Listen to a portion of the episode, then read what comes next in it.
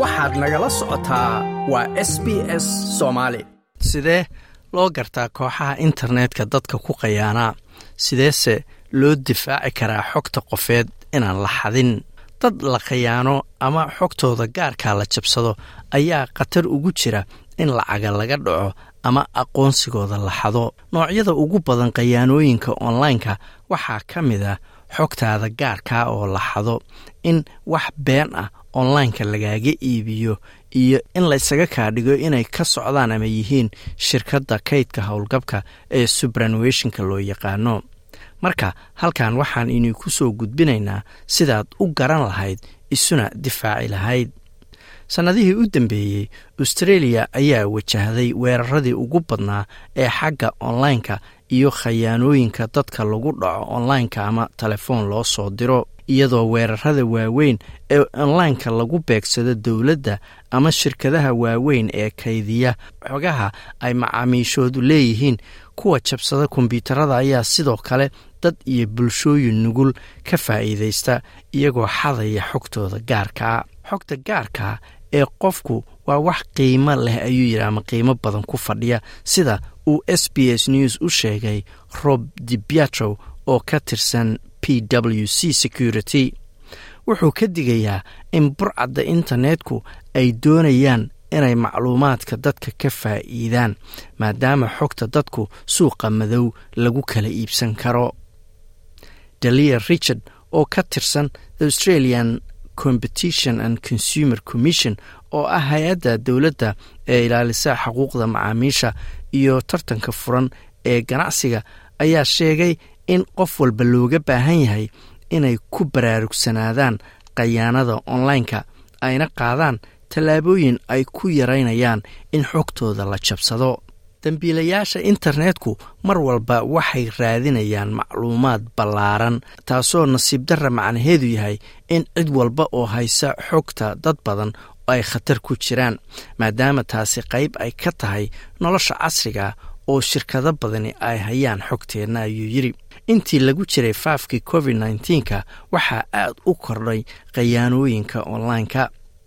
Hay'adda la yidhaahdo scamwatch oo iyadu la socota ama dusha kala socota khayaanooyinka internetka ayaa heshay boqolaal warbixinno ama khayaanooyin la xiriira coronavirus oo lagu dhacay lacaga gaaraya sagaal dhibic siddeed milyan oo dollar wixii ka dambeeyey markuu faafku bilowday dor steve humbleton wuxuu ka tirsan yahay australian digital health agency hay'ad la yidhaahdo wuxuu sheegay inay jiraan khayaanooyin badan oo la xiriira xogta caafimaadka dadka australia. Waxay doonayaan ayuu yidhi macluumaad ay qofka ku gartaan.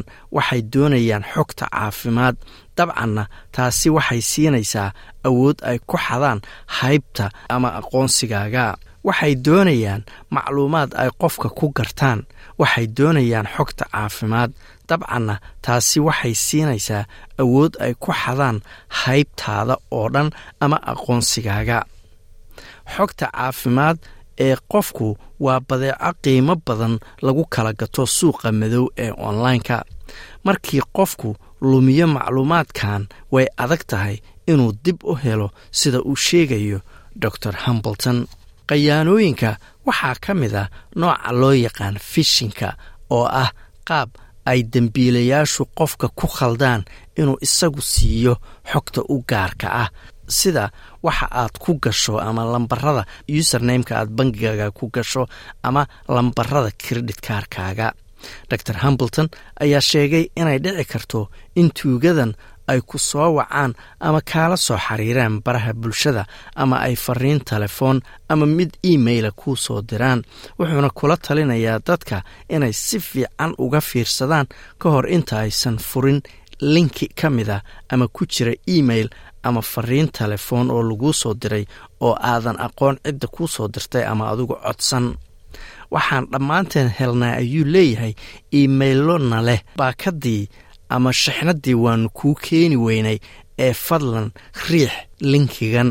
Haddii aadan markaa sugayn baakad ama shixnad ha taaban linkigaas ama ha furin ayuu leeyahay waxaannu helnaa wax ka yimid kooxa sheeganaya inay yihiin shirkado waaweyn oo astaantii shirkadaasi leh sida amazon ama kuwo kale oo onlineka ama internetka wax ku iibiya oo ku weydiisanaya ama kaa codsanaya xogtaada ama macluumaadkaaga. Dor hamilton ayaa kula talinaya dadku inay dib ugu noqdaan meeshii markii hore ay wax ka iibsadeen inta ay riixi lahaayeen linkii aysan hubin cidda iskale tuugada onlineka ayaa sidoo kale waxay samaysteen dukaamo onlinea oo been abuur ah oo ay ku jiraan kuwa leh waxaanu daaweynaynaa covid nneteen-ka ama tallaalkiisa ayaanu ku haynaa ama badeeco kale sida afdaboolka oo kale ama maaskiga. Tuugada onlineka ayaa sidoo kale iska dhiga inay ka socdaan hay'ad dowladeed iyagoo kuu soo diraya email ama fariin telefoon raadinayana sidoo kale macluumaadkaaga waxaana la socda iimailada ama fariimaha telefoonka linkiyo ama lifaaqyo khayaano ah oo looga dan leeyahay in lagu xado xogta gaarka ee qofka macluumaadkiisa dhaqaale sida uu sheegayo dor hambleton tusaale ahaan fariin telefoon oo u eg inay ka timid my gof accounti oo wadata linki khayaano ah. Ha riixin oo ha furin linkigaas sababtoo ah my gof sidaas dadka ulama soo xiriiraan ee si toosa u aad website-kooda haddii aad danka leedahay. Doctor suringa zanevaritne wuxuu wax ka dhigaa jaamacadda sydney wuxuuna sheegay in haddii qofku furo mid ka mida linkiyada ay taasi virus ku reebayso kombyuutarkaaga kaasoo xogtaada gaarka lagu xadayo waxay samaynayaan ayuu yidhi linki uu ku jiro software khayaano ah oo markaad furto ku rakibmaysa kombyuutarkaaga taasoo awood u siinaysa tuugada inay duubtaan ama la socdaan wax kasta oo aad kombyuutarkaaga ku garaacdo ama ku tayb garayso oo dhan una diraysa macluumaadkaasi tuugada. Shanton jang waa brofesor wax ka dhiga kuliyadda kombyuutarada ee jaamacadda melbourne. Wuxuu sheegay in tuugadan onlineka ay inta badan raadinayaan xogta gaarka ee dadka.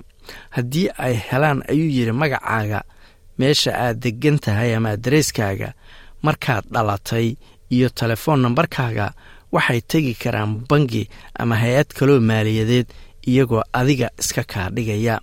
Wuxuu sheegay in xogta shakhsiga lagu iibin karo suuqyada madow ee internetka taasoo sababi karta in aqoonsigaaga ama gebi ahaanba haybtaada la xado oo la iska kaa dhigo markaasi. Xogtaada shakhsigu waa mid lacag badan ka joogta ayuu yidhi onlineka.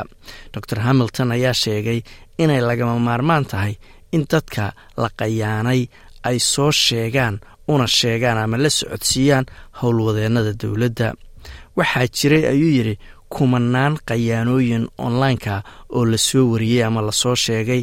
Waxaana jira dad runtii lacag laga dhacay oo ay ceeb la noqotay inay dowladda ama cid kale u sheegaan waxa dhacay.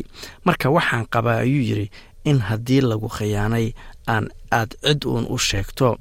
Waxaad khayaanada u sheegi kartaa ayuu yidhi a tribal c ga adoo buuxinaya foom aad ka helayso website-ka scam watch